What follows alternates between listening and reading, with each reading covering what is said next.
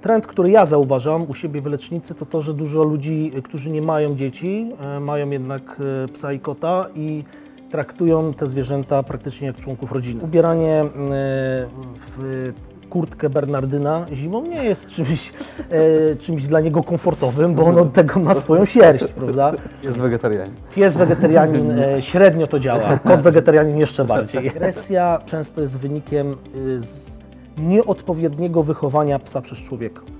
Sam pies z siebie agresywny nie do końca jest, jeżeli jest odpowiednio wychowywany. Tak naprawdę tylko głupi człowiek się chyba nie boi, tak? bo wiemy, że one mogą po prostu nas zabić. No, fajny, fajny jesteś grubasek, tak? Myślę, że ludzki lekarz nie powinien takich rzeczy mówić, albo fajna z ciebie sunia.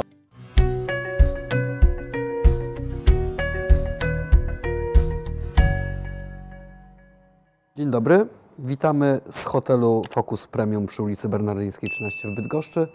Dzisiaj moim gościem jest Michał Warczykowski. Michał jest lekarzem weterynarii, współwłaścicielem Centrum Zdrowia i Rozrodu Zwierząt w Radziejowie. Michale, Cześć Marcin, dzień dobry wszystkim. e, Michale, to jest program, który jest programem generalnie ekonomicznym i rozmawiamy w nim również o pieniądzach, głównie o pieniądzach, ale nie tylko o pieniądzach. Dzisiaj będziemy rozmawiać o pieniądzach i o zwierzętach lub o zwierzętach i o pieniądzach, zależy jak tam będzie to wychodzić. Chciałem zadać Tobie takie pytanie pierwsze. Mm, Czy to prawda, że ten rynek weterynaryjny w Polsce w tej chwili sięga około 2,5 miliarda złotych? Kiedy usłyszałem tą informację po raz pierwszy, byłem w lekkim szoku, bo ja pamiętam, że on pewnie 25-30 lat temu może był wart kilka milionów złotych, a dzisiaj idzie to w miliardy. Dlaczego ludzie chcą, czy może muszą, tak dużo wydawać pieniędzy na utrzymanie w zdrowiu swoich zwierząt? Przede wszystkim zmieniła się następująca rzecz. My zaczęliśmy dbać o te zwierzęta. To jest pierwsza rzecz, która, e, która jest ważna, ponieważ zwierzęta e, w, w Polsce, wiesz, za granicą było zawsze tak, że na zwierzęta wydawało się bardzo dużo pieniędzy. Mówimy o zwierzętach e, w tym momencie e, domowych, czyli Jasne, o psach i kotach. je, będziemy tak, musimy troszeczkę rozdzielić, domowych, dlatego tak. że ja zajmuję się e, też zwierzętami gospodarskimi, ale to jest zupełnie inny temat. Jeżeli chodzi o zwierzęta domowe, ten rynek bardzo zaczął się rozwijać na, z tego co wiem, to o 25% rocznie nawet. Były wzrosty, wzrosty. Lepsza karma, lepsza opieka, bardziej, bardziej specjalistyczne zabiegi, lepsza pielęgnacja, e, moda. No tak, ale no to może zacznijmy od początku, tak? E, Dlaczego my 25 lat temu tak nie dbaliśmy o zwierzęta, jak dbamy dzisiaj? Co takiego się z nas zmieniło, że dzisiaj dbamy o zwierzęta bardziej? Trudno mi jest powiedzieć. E, Ten e, trend, który ja zauważam u siebie w lecznicy, to to, że dużo ludzi, e, którzy nie mają dzieci, e, mają jednak e, psa i kota i traktują te zwierzęta praktycznie jak członków rodziny. E, Kiedyś było to, oczywiście nie mówię zawsze, bo ja od zawsze miałem jakby zwierzęta w domu i też traktowaliśmy je jak członków rodziny, ale na pewno nie wydawało się, nie, nie zwracało się aż tak bardzo uwagi na to, co pies je, jak pies jest pielęgnowany, jaka jest jego, jego odpowiednia diagnostyka, to wszystko poszło do przodu, dlatego zaczęliśmy wydawać na to więcej pieniędzy. No a druga sprawa jest taka, że tak jak mówię, ludzie zaczęli traktować zwierzęta troszeczkę jak e, dzieci, członków rodziny lub e, no, ta miłość przekłada się też na finanse.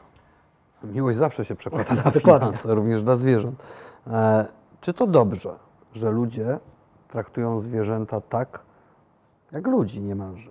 Czy tutaj gdzieś nie powinna być zachowana ta granica i ta, to humanizowanie zwierząt, czynienie ze zwierząt ludzi jest tylko pozytywne?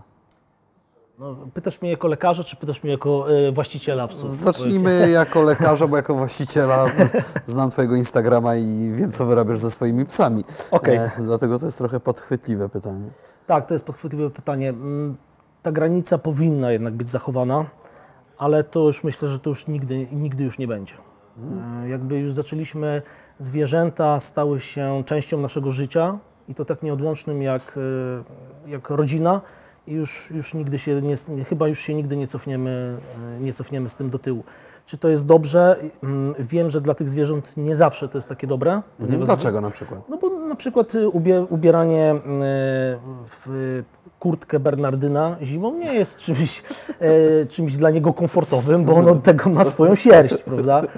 E, A z drugiej strony genetyka pewnych psów też poszła tak w takim kierunku, że niestety stworzone zostały rasy, które mm, no, nie do końca mm, w naturze by funkcjonowało. Tak. Ja teraz sobie zrobię mm, wrogów, nie wiem ilu, ale sporo.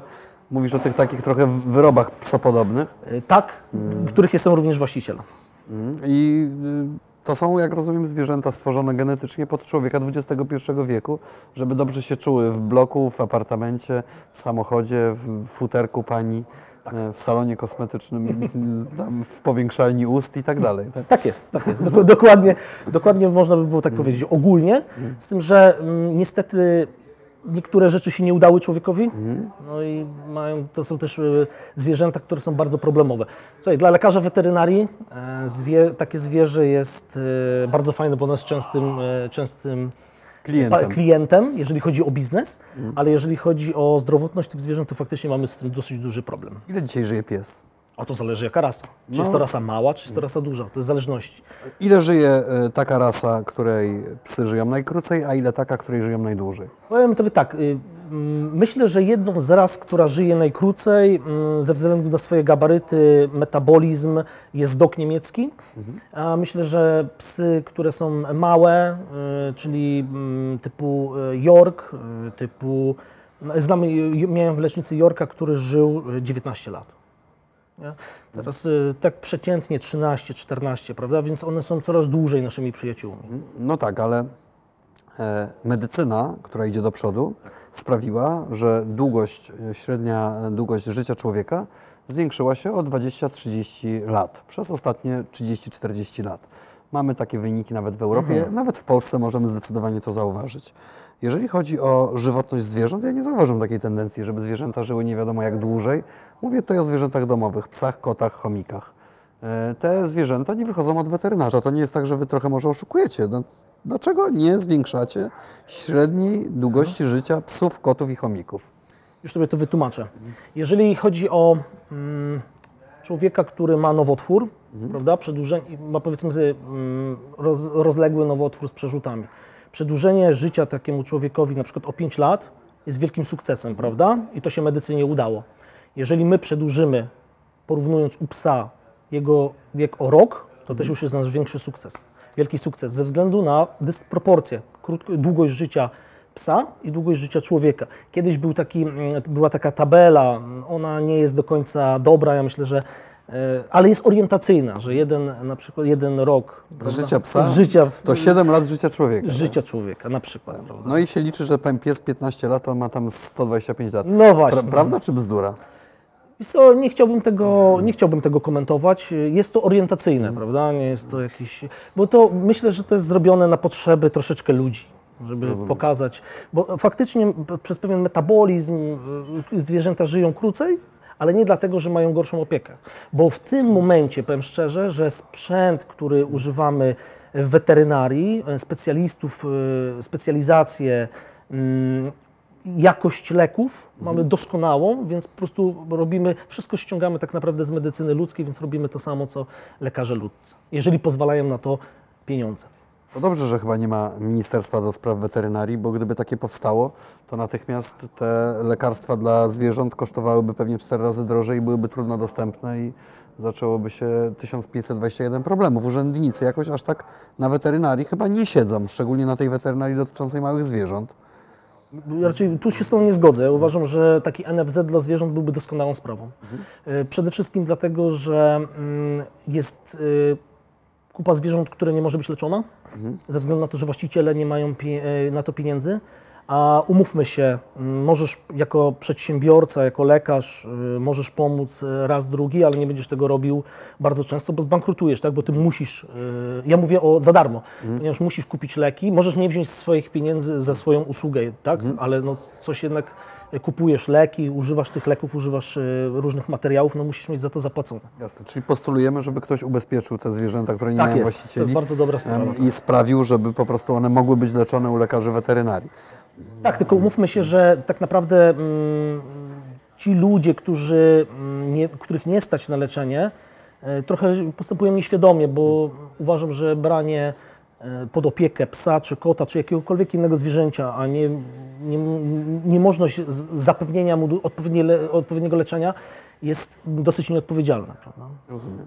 Teraz będzie seria, taki, seria takich pytań trochę banalnych może, ale one mi siedzą w głowie Okej. i korzystając z tego, że mam y, przed sobą lekarza weterynarii, je zadam. Czy rzeczywiście kot nie powinien pić mleka? Tak, rzeczywiście kot nie powinien pić. Dlaczego moja babcia przez całe życie dawała swojemu kotu mleku i jej, jej, jej babcia i jej prababcia i te koty żyły, miały się dobrze i żyły tylko na mleku? Okej. I gdzie pojawił się ten przełom w nauce, w weterynarii, gdzie doszliśmy do wniosku, że jednak mleko i kot to nie. Nie wspomnę, że wychowany jestem na pewnie trochę jak i ty, na bajce o kocie Filemonie. Dokładnie. E, I tutaj mam wielkie pretensje do producentów tej bajki, że zrobili ze mnie idiotę. Taka była świadomość. Pies, y, pies na wsi mógł jeść y, wszystko po obiedzie, tego czego nie zjedliśmy my, czy tam nawet w domu, tak? Takie, takie rzeczy były robione i też nikt sobie nie zdawał z tego sprawy, że to, co nam nie szkodzi, zaszkodzi jemu, na przykład przyprawy. Jeżeli chodzi o... Nie, woż- nie można przyprawiać jedzenia Nie, psom? nie, nie przyprawia się jedzenia psom. Psy, te wszystkie karmy, które są robione, one dobrej jakości karmy w tym momencie są mm, tak robione, żeby były jak najbardziej smakowite, jak najmniej było w nich zbóż i jak najwięcej tego, co zwierzęta tak naprawdę potrzebują, czyli wszystkich mikroelementów oraz białka, bo przecież e, te psy czy koty są zwierzętami roślinożernymi, jest mięsożernymi, przepraszam, przepraszam za przejęzyczenie. Jest wegetarianin. Pies wegetarianin e, średnio to działa, kot wegetarianin jeszcze bardziej. E, I dlatego, jeżeli chodzi, nie znam dokładnej daty, kiedy e, były te badania robione, że te mleko jednak szkodzi temu kotu, ale próbujemy, próbujemy to oszukać, e, a to jest może bardziej dla ludzi, są specjalne mleka dla kotów, które są bezpieczne i które na pewno im nie zaszkodzą i nie wpłyną na ich e, narządy wewnętrzne, na ich metabolizm. E, Skąd wiesz, co dolega kotu albo psu? No wiesz, to jest y, pytanie, te 6 lat studiów, które skończysz, no to tego muszą cię tam nauczyć, prawda? Skąd wiesz? No, masz, masz przede wszystkim, pierwsze co robisz, to robisz badanie, wywiad z, y, z Właścicielem. e, zwierzęcia, prawda? Czyli on powie, co mniej więcej się zaczyna ze zwierzęciem dzieć. Czy je, czy nie je, prawda? Czy kuleje, czy nie kuleje, czy wymiotuje, czy nie. E, Później robisz badanie, badanie kliniczne, prawda? Czyli są określone, określone e, jakby postępowanie. No i badania dodatkowe, które mamy teraz, e, czyli prześwietlenia, USG, prawda? Rezonanse. Czy ten aparat badań dla zwierząt, on praktycznie nie różni się od aparatu badań Prak- dla ludzi? Praktycznie w tym momencie nie ogranicza. e, To, co nas tylko ogranicza, to ograniczają nas oczywiście mm, troszeczkę bardziej pieniądze. No bo mm, za tomograf u ludzi najczęściej zapłaci NFZ, a za tomograf e, u zwierząt musi zapłacić właściciel. Ten Ile tomograf kosztuje tomograf dla psa? Orientacyjnie. Myślę, że jest to zależne od, myślę, że jest to zależne od miasta, ale na pewno od 500 ceny się zaczynają od 500 do pewnie pi- 1000 czy 1500 zł. Czyli jeśli ch- chcieć dzisiaj wyleczyć psa na przykład, tak, Mhm. z choroby, y, no trzeba też się liczyć z wydatkiem pewnie rzędu kilku tysięcy złotych. Tak, to zależy jaka to jest choroba, ale e, trzeba się liczyć z tym, że powiedzmy, jeżeli e, powiem Wam na przykładzie mm, słuczki, która jest w ciąży, tak? Wiemy, że może być jakikolwiek problem, czyli może być e, konieczność cesarskiego cięcia. I dzieje się to w nocy, a klinik na przykład w Kujawsko-Pomorskim nie ma aż tak dużo nocnych, no to taka usługa kosztuje bardzo dużo, tak? 3, 4 tysiące, 5 tysięcy, więc nawet za, takie, za, taką, za taką interwencję. Jeżeli pies ma złamaną nogę, potrzebne są specjalistyczne operacje, to wszystko kosztuje i trzeba się liczyć z tym, że, no, że trzeba za to zapłacić. Rozumiem. To jest oczywiste, to jest po prostu normalny, komercyjny rynek. Tak jest. Wart około 2,5 miliarda złotych, jak się dowiedzieliśmy, rosnący około 25% rocznie. Rocznie to jest. E, No dobrze, to kolejne pytanie, które mi się nasuwa, e, które jest oczywiście banalne, ale e, korzystając z tego, że tutaj jesteś, być może uda mi się ten banał rozwiązać. Czy pies i kot się przeziębiają? Y, No tak, tak. Zasadniczo jest mi, y, wiesz, y, trzeba by było odpowiedzieć sobie na pytanie, co to jest przeziębienie. Tak? No, Czy, Takie coś, że ma się katar, boli gardło. No tak, oczywiście. Tak, tak oczywiście, dalej, tak? oczywiście. Jedną z bardziej popularnych, tylko że wiesz, zależy od, czym to jest wywoływane, tak? Mhm. E, Czy to jest bakteryjne, czy wirusowe, ale jak najbardziej zdarza się to u psów i kotów, tak samo jak i u ludzi. Mhm. A miały covid -a? Z tego co wiemy, to nie. Na pewno, na pewno zwierzęta, na pewno zwie... bo wiesz, korona, COVID, COVID to jest koronawirus. Koronawirus u zwierząt występuje bardzo e, powszechnie. Y, Zarówno u zwierząt domowych, jak i u zwierząt gospodarskich, w zależności jaki to jest koronawirus. Wiesz, zwierzęta, myślę, że dużo lekarzy weterynarii mm, i to tak zauważyliśmy, szczególnie zajmujących się terenowymi, z- y, w terenie pracujących, łagodniej przychodziło COVID, albo w ogóle nie przechodziło ze względu na to, że jesteśmy w jakiś sposób, myślę, uodpornieni. Nie są to oczywiście badania naukowe, to są takie obserwacje i rozmowy ze znajomymi, prawda, lekarzami. Skąd się bierze agresja u psów? To jest pytanie, które jest bardzo mocno behawioralne. E, Skąd się bierze? Mogę, mogę odpowiedzieć, e, odpowiedzieć w ten sposób, że agresja często jest wynikiem e, z nieodpowiedniego wychowania psa przez człowieka.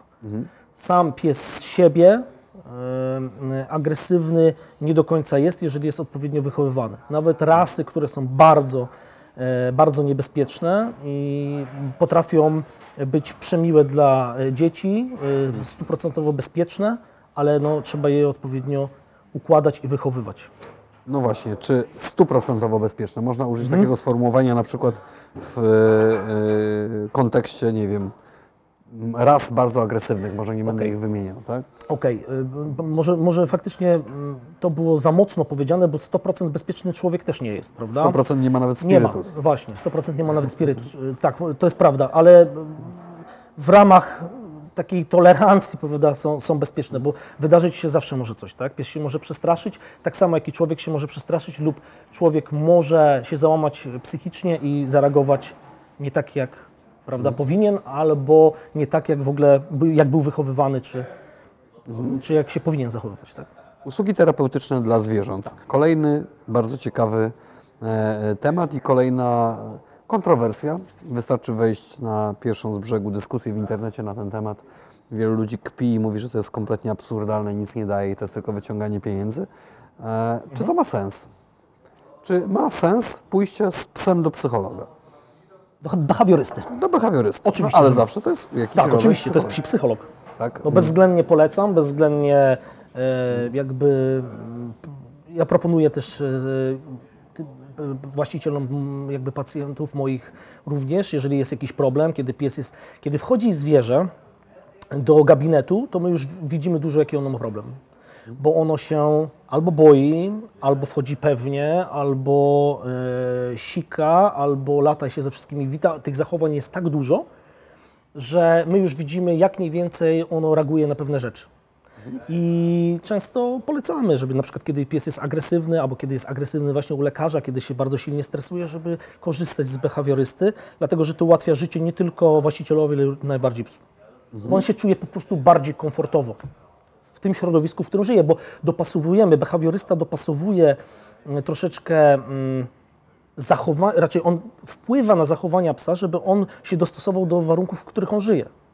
Bo nie jest naturalne dla owczarka niemieckiego, umówmy się, życie w mm, mieszkaniu, które ma 42 metry Na czwartym piętrze. na czwartym piętrze, kiedy y, na przykład owczarek niemiecki częstym schorzeniem są schorzenia stawów i on po- powiedzmy w wieku 5-6 lat zaczyna mieć te schorzenia stawów i każdy ruch to ból i tak dalej, więc to nie jest dla niego naturalne. Tak? Dla niego naturalne było e, biegać, pilnować e, i prawda, trzymać swoje terytorium. To terytorium jest dla niego może być za małe. Tak? No zdecydowanie, jeżeli to jest 40 metrów, tak? Tak. E, Czy krowa, która idzie na śmierć, płacze? Uważam, że krowy płaczą. Uważam, że krowy płaczą. Jeżeli chodzi o e, krowę, która idzie na śmierć, e, czy ona o tym wie, to, to zależy. E, wiele razy zastanawiałem się nad tym pytaniem, bo to jest py- pytanie, umówmy się, że mm, to zawsze będzie e, kontrowersja, jedzenie mięsa, picie mleka, bo to jest e, pewien przemysł. E, Naszą rolą jest zrobić wszystko, żeby tym zwierzętom tutaj się żyło jak najlepiej. I mm, to jest zależne od tego, jak to się dzieje. Czy, są, czy, jest odpowiednie, czy odpowiedni ludzie zajmują się przewożeniem tych zwierząt właśnie do rzeźni. Już Ci powiem dlaczego. Zwierzęta generalnie w dużych gospodarstwach często są przewożone. Z jednego gospodarstwa na drugie, bo tu są jałówki, tu są cielaczki, tu są... yy, tak dalej. To jest jakby pewne przyzwyczajenie zwierząt i one się tego generalnie nie boją. Tylko duży problem zaczyna się wtedy, kiedy ludzie, którzy skupują e, zwierzęta, e, zaczynają nie dbać o to, że na przykład kupują tylko zwierzęta zdrowe.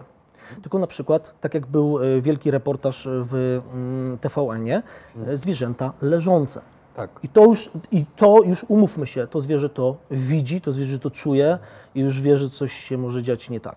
Więc jestem jak najbardziej wielkim przeciwnikiem tego, żeby skupować zwierzęta, które są po prostu chore. Jest to zresztą nielegalne. Jesteś lekarzem od krów. Tak. E, Myślę, że chyba nie przesadzę, jeżeli powiem, że najbardziej znanym w Polsce lekarzem od krów dzięki Twojej aktywności w social mediach, dzięki Twojej aktywności w internecie, Instagramie, na, na TikToku, gdzie Twoje filmiki biją rekordy popularności. E, dlaczego wybrałeś krowy?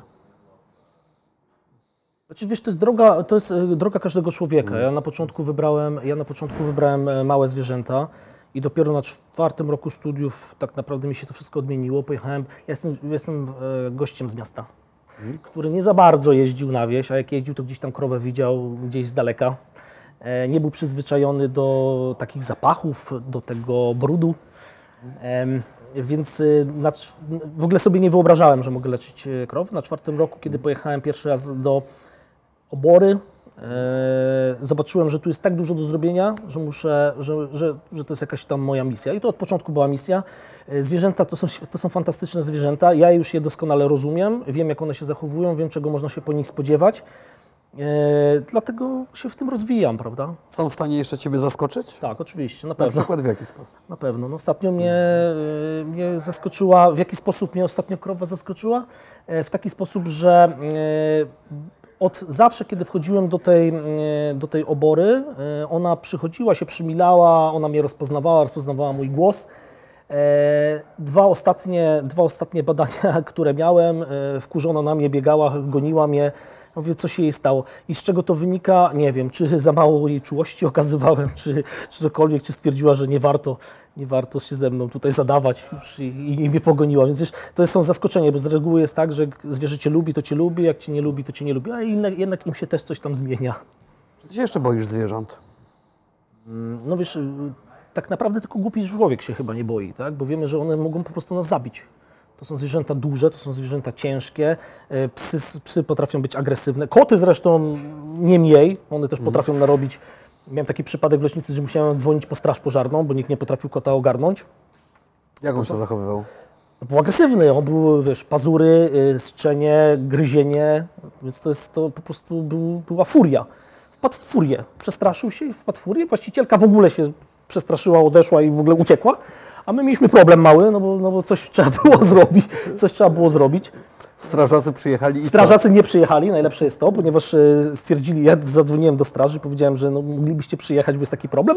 Oni, z, bo to jeszcze, to było jeszcze wtedy, kiedy można było dzwonić na 998 I, i jakby się dodzwoniliśmy do lokalnej komendy, no oni do mnie oddzwonili, że oni generalnie nie mają żadnych środków, żeby do mnie przyjechać, że nie jest to możliwe.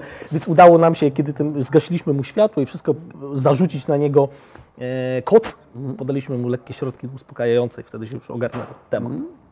No czyli wracając do e, strachu przed zwierzętami, czy Ty się jeszcze ich boisz? Tak, są gatunki, których się boję. Są gatunki, których e, na przykład e, koń jest zwierzęciem, któ- którego jeździć bym ch- chciał, jeździłem, ale leczyć bym nie chciał, ponieważ czuję taki niepokój, kiedy jestem, e, kiedy jestem blisko. Krów nie boję się prawie w ogóle, chociaż wiem, że potrafią uszkodzić i potrafią zrobić krzywdę. Dużo jest złamań, dużo jest zwichnięć, dużo jest jakichś tam urazów. E, Psy też reagują różnie u lekarza weterynarii, więc raczej jestem też ostrożny. Jak się zachować, kiedy mijasz agresywnego psa? To jest niby elementarz, ale my wciąż tego nie wiemy. Ja ostatnio słyszałem historię w życiu prywatnym człowieka, który opowiedział o swoim psie, którego miał tam niemalże dwa lata, który nie wiadomo skąd i nie wiadomo dlaczego po raz pierwszy w swoim życiu był tak agresywny, że potrzeba było kilku ludzi, żeby go po prostu uśpić i weterynarz musiał to wykonać. Takie rzeczy się zdarzają. W jaki sposób się zachować? To jest coraz częstszy problem. Mówisz o, o psie, który jest, który atakuje cię. W, Atakuje ciebie, kiedy idziesz, a go nie znasz. No, to jest ta, jakby tym standardem jest pozycja żółwia. No bo tak, ucieczka ci, tobie nic nie da. Bo i tak cię złapie. No i tak no, raczej jest marna szansa. Marna szansa, jeżeli, chyba że jest to gdzieś, gdzie możesz przeskoczyć, to ja bym raczej, raczej w tą stronę szedł, prawda? E, Zatrzymanie psa, który jest e, bardzo agresywny i któremu się włączyła, e, włączyło zabicie, e, żadna pozycja cię nie uchroni przed tym. Ale włącza się zabicie psu? Tak, czasami tak. Czasami niestety tak. Yy, Z czego to wynika, to już bardziej trzeba było porozmawiać yy, z behawiorystą, yy, ale no niestety czasami się. Czy to się dzieje ze strachu, czy to się dzieje, może się to dziać na przykład w wyniku choroby zakaźnej, tak, gdzie, która atakuje ośrodkowy układ nerwowy. ale najczęściej jest to jakiś tam strach, niepokój. To, Rozumiem. no to co wtedy, jeżeli pies chce cię zabić? Nawet jak się skulisz, Słuchaj, no, pozycję żółwia i tak tak dalej, to nic to, nie? to bym, wiesz, to bym e, tak samo mógł zapytać, e, no co zrobić, kiedy e, zaatakuje cię, wiesz, banda dresów i chciałaby Mm. cię zabić. No albo się bronisz, możesz się w jakiś sposób bronić. Oczywiście są metody, są metody bronienia się przed zwierzętami. Ja szczerze powiedziawszy nie uczestniczyłem w takim kursie, Mm. ale wiemy, że są różne środki, na przykład są e, gazy chyba pieprzowe, Tak. które, e, które pozwolą na to, żeby ten pies po prostu wyhamował. Tylko czy jeżeli nie robiłeś tego nigdy i nie byłeś nigdy w tak stresowej sytuacji, to to prawidłowo zastosujesz, tego nie wiem. Raczej, raczej jest to sytuacja bardzo kryzysowa, kiedy zaczyna na ciebie biec pies, który jest na przykład cięższy od ciebie lub, lub nawet nie cięższy, ale e, który jest agresywny. Obserwuję, tak jak powiedziałem, Twojego Instagrama i Twojego TikToka e, i zadaję sobie takie pytanie czasami rano, kiedy widzę, jak Ty tam po piątej już buszujesz po tych oborach i mówisz, że dzisiaj przebadałeś 50, 70, 30, 40. Ile Ty tak w roku średnio dziennie badasz krów? No na dzień dzisiejszy, ze względu na to, że zbudowałem duży zespół, dużo mniej. E, jak sobie liczyłem, to jest mniej więcej było 700 e, zwierząt tygodniowo. 700 zwierząt tygodniowo, teraz jest to e, w zależności od tego, ja się opiekuję teraz już większymi raczej stadami, w zależności od tego jak często mam, mam, mam, ten rozród, no to jak jadę właśnie to jest na przykład od 30-40 do 200 na przykład, ale jednego dnia również mogę zbadać 200. Mhm. No i jak wygląda jedno badanie? Mm, Jak wygląda jedno badanie jednego stada, czy jak to? Nie, takie jednego zwierzęcia. No, polega to na tym, że prawda, za pomocą USG, bo ja jestem jakby głównie zajmuję się niepłodnością, czyli robimy wszystko, żeby te zwierzęta były, mogły się rozmnażać, żeby mogły rodzić cielęta i mogły dawać mleko, tak? bo bez tego niestety e, mleka, mm, mleka nie ma, więc no, takie badanie wygląda w ten sposób, że masz aparat USG i badasz, wkładasz rękę, e, wkładasz Tam. tam, wkładasz tam rękę e, i, i prawda, badasz e, układ, e, układ roz, e, rozrodczy i podajesz odpowiednie lekarstwa. Mhm. I tak 200 i, I tak 200. i na śniadanie. Tak jest, tak mniej więcej to wygląda. E, rozumiem. E, na jakim zwierzęciu weterynarz więcej zarabia? Na kocie, chomiku, krowie, koniu czy psie? No wiesz, to pojedynczo patrząc, no na pewno mm, myślę, że ze względu na rozwój medycyny weterynaryjnej, na fachowość medycyny weterynaryjnej, na bo jakby psa i kota trzeba by było wziąć jakby do jednego, do jednej puli. No chomik tutaj, nie, nie myślę, że nie, nie Chomik jakby, to był trochę żartem. Tak, to był troszeczkę żartem, ale jakby psa i kota, czyli powiedzmy małe zwierzęta, określmy to, myślę, że są e, numer jeden, plus e, później zaraz konie. E, Na konie również się wydaje ogromne pieniądze, ponieważ właściciele albo ludzie, którzy fascynują się końmi, robią wszystko, żeby to zwierzę było jak najdłużej zdrowe i potrafią na to wydać bardzo dużo pieniędzy. A jeżeli chodzi o to badanie krów, to kto za to płaci? Rolnik czy jakaś instytucja? Czy kto? Nie ma, nie ma żadnej instytucji. Kiedyś były instytucje, które zajmowały się leczeniem, raczej finansowaniem niepłodności. Teraz takich instytucji nie ma. E, Za wszystko musi zapłacić hodowca i to jemu. Jakby my jesteśmy partnerami biznesowymi z hodowcą. To już nie jest tak, że przyjeżdża lekarz i po prostu ma gasić pożar, tylko hodowcy ma, zależy na tym, żeby zarabiać na tym jak najwięcej, a moją rolą jest e, też to, żeby mieć, żeby z tego wszystkiego hodowcy zostało, zostało jak najwięcej pieniędzy. Czyli o- czym mówimy? Dzięki temu, że weszła ekonomia tego s- stad, zwierzęta mają coraz lepiej, bo zwierzęta mają coraz lepsze warunki, bo musisz zapewnić naprawdę dobre warunki zwierzęciu, żeby ono dawało, czuło się komfortowo i żeby dawało dużą ilość mleka. Musisz zapewnić odpowiednie jedzenie, które też jest dość kosztowne, odpowiednią e, e, opiekę weterynaryjną, która teraz już nie polega na tym, że przyjeżdża się daje antybiotyk, tylko polega na tym, żeby zwierzę nie chorowało, albo chorowało jak najmniej. Bo moja rola jest taka, żeby zwierzę nie chorowało, czyli systemy szczepień, e, badanie jej płodności, monitoring chorób zakaźnych, to wszystko, to wszystko się już dzieje. E, W jakim kierunku zmierza weterynaria? Kiedy 30 lat temu wziąłbyś lekarza weterynarii, e, na przykład, nie wiem, no, w czasach jeszcze przed Twoimi studiami, tak? E, I mu opowiedział, jak będzie wyglądać weterynaria w roku 2023, pewnie by nie uwierzył. Czy zastanawiasz się czasami, jak ona będzie wyglądać i w ogóle opieka nad zwierzętami, nasze podejście do zwierząt na przykład w roku 2060? Myślę, że to się wszystko zmienia, ponieważ ludzie stają się coraz bogatsi. I świadomie podchodzą. Jeżeli e, są, mm, są jakby pieniądze, no to można o te zwierzęta stać ludzi na to, żeby jak najlepiej, więc my jako weterynaria, jako lekarze weterynarii możemy się też rozwijać. I to jest prosta sprawa. Jeżeli ja bym miał porównać weterynarię, która była nawet mm, 13 lat temu, jak kończyłem studia, a która jest teraz, to jest w ogóle nic do porównania. To często, co było, e, co, czego uczyliśmy się na studiach, e, już w praktyce nam się w ogóle nie przydaje. Już nie jest, e, już nie jest praktyczne, prawda? To poszło lawinowo, lawinowo do przodu. Trudno powiedzieć, w jakim kierunku pójdzie dalej. Myślę, że idziemy równo z medycyną ludzką. Oczywiście nigdy. Oni zawsze będą troszeczkę przed nami ze względu na budżet. E, I myślę, że jeżeli by się zahamowało w medycynie ludzkiej, to zahamuje się już w weterynarii. Jeżeli będzie się rozwijać medycyna ludzka, będzie się rozwijać e, medycyna weterynaryjna. Bo dla ludzi, bo powiem, powiem wam szczerze, że dla ludzi nie ma już problemu, żeby zapłacić za operację e, psa 5, czasami czy 10 tysięcy. To już nie jest problem. Problem jest tylko, kto, to, kto tą operację może wykonać, czyli na ilu jest, ilu jest specjalistów w Polsce, którzy na przykład daną skomplikowaną operację mogą wykonać. I to jest jakby klucz, że Polacy zaczęli się, leka, polscy lekarze weterynarii zaczęli się po prostu specjalizować w wąskich dziedzinach. Dzięki Bogu. Mhm. Ty się specjalizujesz w? Rozrodzie zwierząt gospodarskich głównie. E, po co lekarzowi weterynarii jest e, TikTok?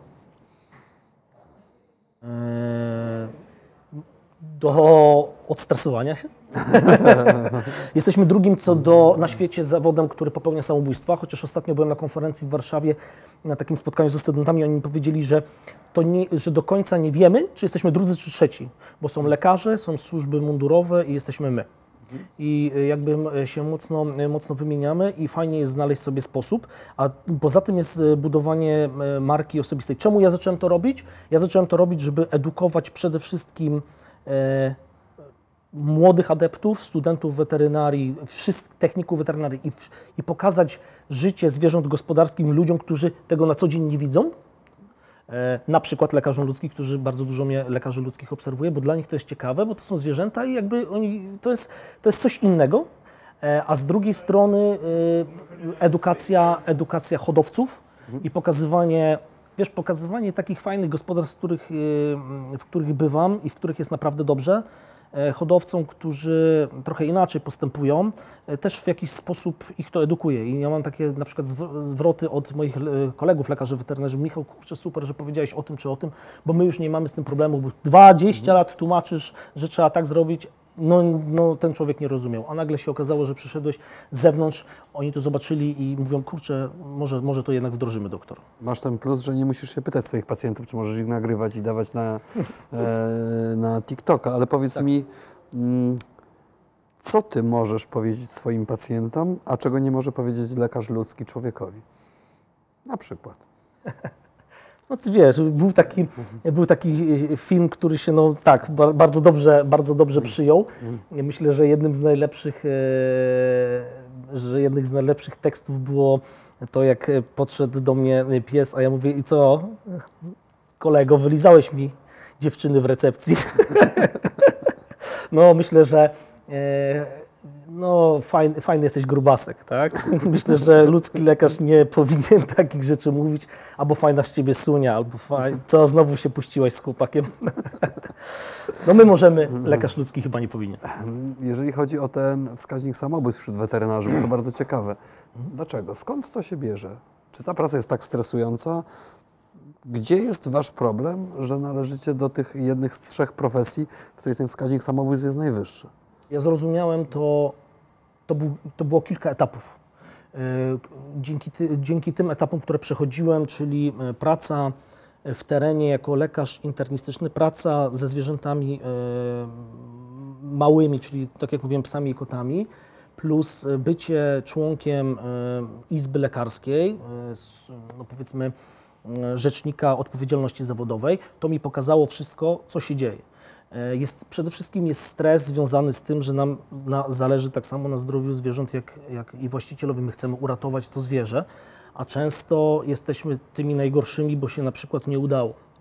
bo pies był z wypadku i bardzo trudno ludziom to wytłumaczyć. Jesteśmy bardzo silnie atakowani w mediach społecznościowych, w internecie. Za każdą, e, za każdą malutką pierdółkę e, jest, jest hejt. Poza tym widzimy cierpienie zwierząt.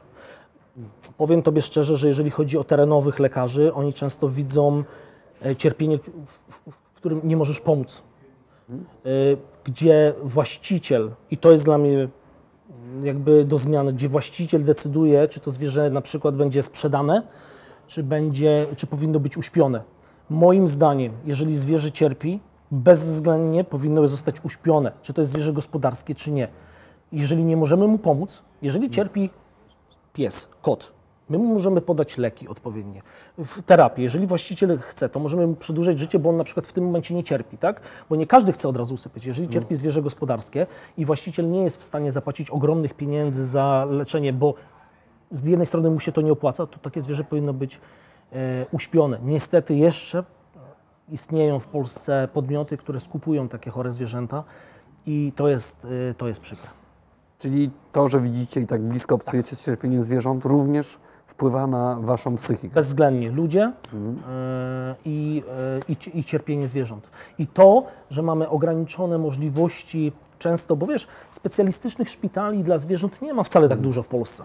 E, My mając gabinety, przychodnie, musimy sobie radzić z tym, co mamy, tak? Nie stać nas często na to, żeby żeby kupić bardzo specjalistyczny sprzęt albo sprowadzić na przykład w małych miejscowościach super specjalistę, który będzie na, na etacie. Więc my jakby odsyłamy, ale często jest tak, że ci ludzie nie mają pieniędzy i chcą, żebyśmy my tym, co możemy, pomogli. Kiedy nie możesz temu zwierzęciu pomóc, tak jakbyś chciał, to uwierz mi, że to nie jest proste. To nie jest proste. A rozmowa z, ludźmi o eutanazji e, psa, kota, który spędził no, Kilka, ileś, kilkanaście ile, lat ileś domu, lat, tak? prawda, w domu, śpiąc na kanapie, pilnując dzieci, gdzie dzieci się wychowywały, no uwierz mi, że to nie są proste rozmowy. Mhm. A dlaczego najczęściej po zwierzętach jakby nasza żałoba jest krótsza i one płycej zapisują się w naszej psychice? Trudno mi jest to powiedzieć. Ja się ostatnio nad tym zastanawiałem. Też kiedy przyjechał do mnie y, przedstawiciel firmy, która kremuje, y, kremuje y, zwierzęta. Kremuje, no czy nie tylko psy, koty, bo też miał jakieś konia, czy tam, to, e, I zastanawiałem się właśnie nad tym, ale często my mając, tracąc zwierzę, tracąc zwierzę, często od razu wchodzimy kupując następne. Tak jest. Prawda? Tak jest, prawda? Nie chcemy cierpieć z tego braku. I dlaczego tak się dzieje? Trudno mi jest na ten temat y, odpowiedzieć. Myślę, że dobrego ludzkiego psychologa by trzeba było zapytać. Mhm. Chciałbym Cię na koniec poprosić, żebyś powiedział kilka zdań do właścicieli zwierząt, którzy na pewno nas oglądają i słuchają również. Jakie najczęściej popełniają błędy i jakich nie powinni popełniać? Okej. Eee, nie wiem, niech to będą trzy lub pięć, mm, bo, bo może jak lekarz weterynarii powie, to jakoś tak się zapisze trwalej w pamięci. Teraz no, chciałbym się zapytać, jak, jak jest to pytanie, czy, czy to ma być o zwierzętach gospodarskich, czy domowych? Nie, domowych. O domowych. Przede wszystkim pierwsza rzecz, na którą zwróćcie, na, pierwsza rzecz, na którą zwróćcie uwagę, to jest e, żywienie. Druga rzecz, czyli fajnie doradzić się dobrego dietetyka, nawet psiego lub e, ludzi, którzy pracują w dużych sklepach zoologicznych, którzy są często przeszkoleni, na to, żeby ten pies dostawał odpowiednie jedzenie, bo on się wtedy odpowiednio rozwija i samą dietą możemy spowodować, że tych chorób będzie mniej. Pamiętajcie o profilaktyce. Często jest to zapominane, czyli odrobaczenie, psy, y, koty, zwierzęta domowe często żyją z naszymi dziećmi. One nas y, całują, liżą, są bardzo blisko i umówmy się, że, że nie wiemy, co ten pies znajdzie na spacerze i czasami co tam może przez przypadek Przypełzło. przypeł- co może przypełznąć. Więc pamiętajcie o tym. Tak samo y, o chorobach zakaźnych, zabezpiecza, żeby zabezpieczyć prawda, zwierzęta, e, zwierzęta przed tym, żeby po prostu ciężko nie chorowały. Tych y, wachlarza, tych szczepień, wachlarz tych szczepień jest dosyć spory, więc tutaj możemy dużo, du, dużo zrobić. No, przede wszystkim nie karcić psa biciem, co jest bardzo częste. A czym karcić? Nie, psa trzeba wychować. I jeżeli ktoś sobie, e, jeżeli ktoś tego jakby nie do końca rozumie, to właśnie powinien skorzystać z mm, porady behawiorysty. Lub y, Nie bać się. Nie bać się. Nie bać się. Przede wszystkim się bać. Ale bicie nic nie da, bo często jest tak, że kiedy pies nasika w domu, bo nie wytrzymał albo cokolwiek, i my przychodzimy do domu i dostanie przysłowiowego klapsa, to on już nawet nie wie, co, za co on dostaje tego klapsa.